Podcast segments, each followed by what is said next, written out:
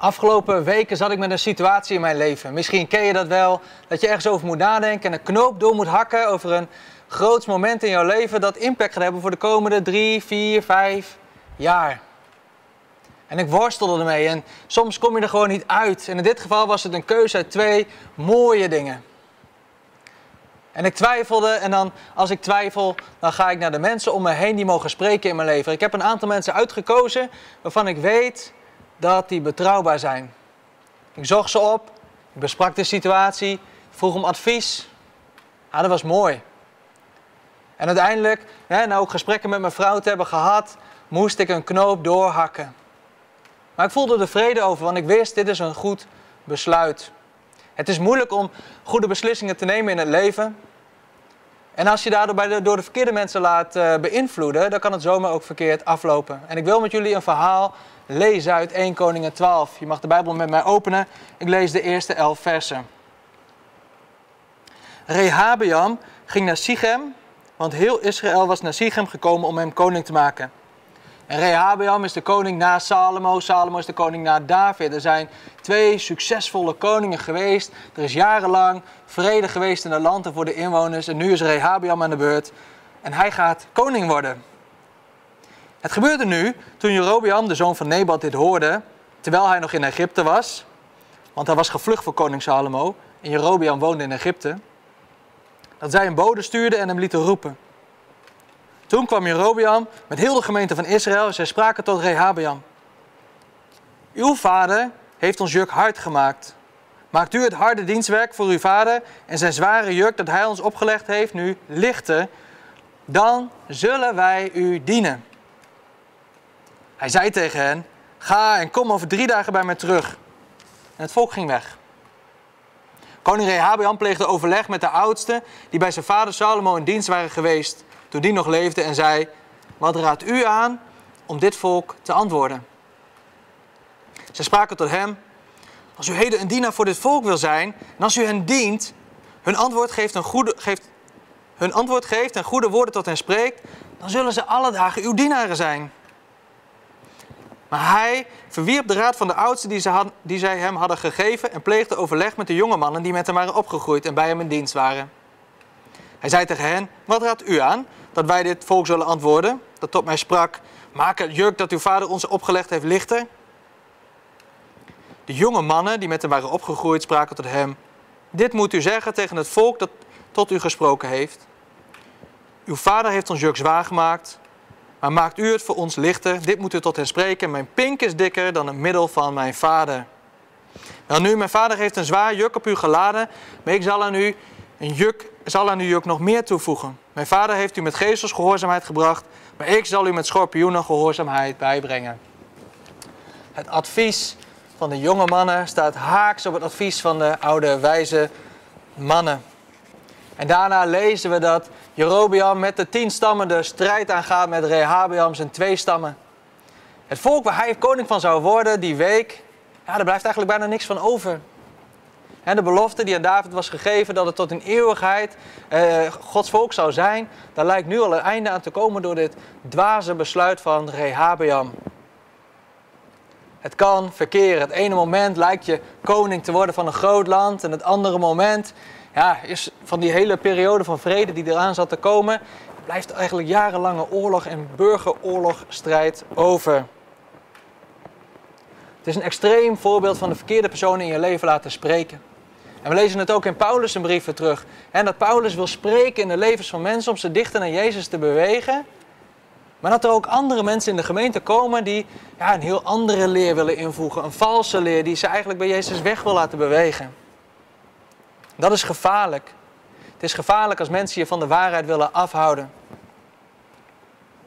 Wat voor deze gemeenteleden geldt, dat geldt ook voor Rehabian. Dat geldt ook voor jou, dat geldt ook voor mij.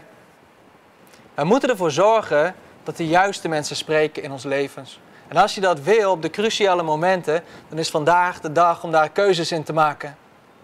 Je moet nu keuzes maken wie er mag spreken in jouw levens, want op cruciale momenten heb je geen tijd meer om die op te zoeken.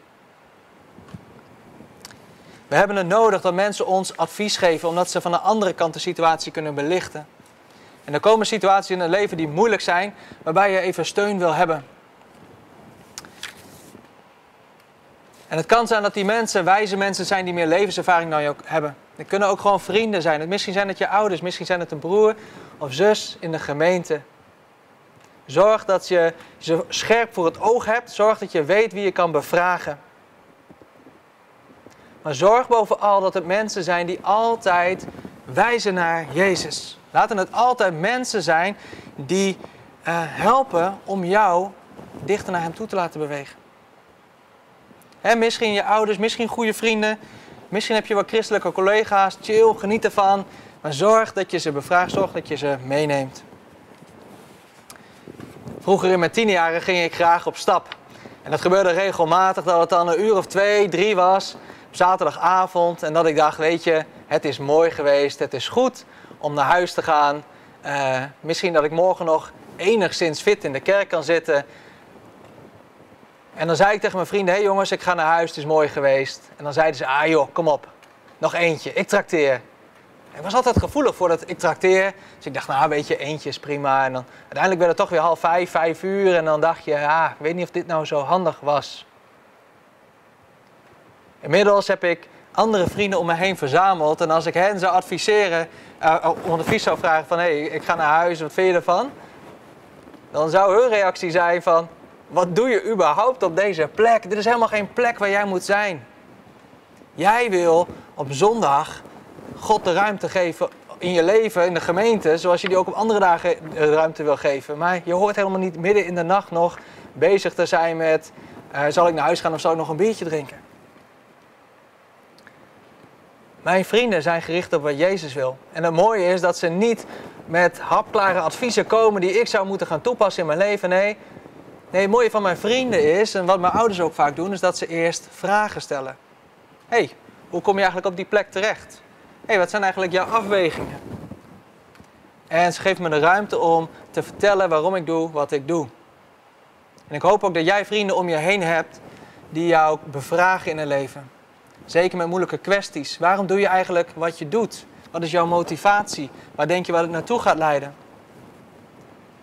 En als ze dan de juiste antwoorden geven, dan, ja, dan helpt het jou je keuze maken. En als, je, als jij de verkeerde motieven hebt voor de keuzes die ze maken, laat ze dan ook scherp zijn om te mogen spreken in jouw leven.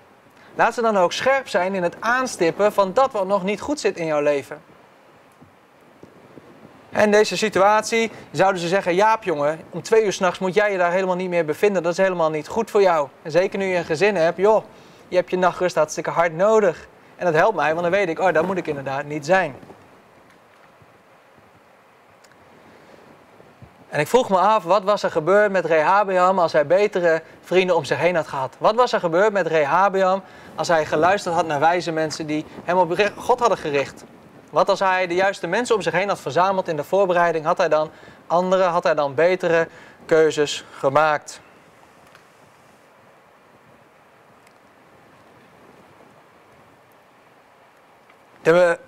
Ik laat mensen in mijn leven spreken die positieve invloed op mij hebben.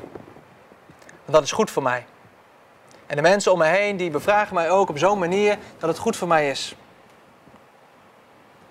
Tegelijk merk ik ook dat er heel veel meningen op me afkomen die ja, maar twijfelachtig goed voor mij zijn. ik hoef mijn telefoon maar te openen of de social media komt op me af en ik zie ieders mening over van alles en nog wat. Ik hoef de tv maar aan te zetten op praatprogramma's en alles komt op me af. Zeker nu in coronatijd. Of ik wel of niet dit of dat moet doen. Of ik me aan de regels moet houden. Of juist in protest moet komen, in opstand moet komen. En ook met de kerk. Moet je samenkomen of niet samenkomen? Mag ik dat zelf ook bepalen? Moet ik dat vanuit het woord doen? Hoe, hoe pak je dat op? Wat is daarin wijsheid? En wat ik dan doe, is, ik laat het woord uit de raad spreken. Ik vraag de geest om waarheid. De vader, vader, woord, geest, de drie getuigen, die laat ik spreken, maar ik zoek het ook bij vrienden. hey, wat adviseren jullie? Wat zouden jullie doen? En dan komen zij met die vragen. En ik merk dat ik me niet wil laten beïnvloeden door wat op social media gebeurt, of door wat vage kennissen zeggen, of door wat uh, mensen in Hilversum op tv wel niet allemaal vinden omdat ik geen relatie met hun heb. Ik ken hun hart niet. En ik wil mensen laten spreken in mijn leven van wie ik kan vertrouwen dat hun hart erop gericht is dat ik tot bloei kom in mijn relatie met God. En als ik dat niet zeker weet, ja, dan moet ik dus elke woorden die mensen spreken, die moet ik wegen. En wegen of ze wel echt goed voor mij zijn, goed voor mijn omgeving zijn, of ze wel mijn bloei voor ogen hebben zoals Jezus mijn bloei voor ogen heeft. Het is goed om anderen te laten spreken in jouw leven. Het is nog beter om van tijd tot tijd te zwijgen. De stilte te nemen, Gods woord te openen, de geest te laten spreken. Ik wil je adviseren om je smartphone af en toe opzij te leggen, de rust te zoeken. En als de geest spreekt, als het woord spreekt, dan krijg jij ook weer ruimte om woorden van waarheid te spreken in de levens van anderen.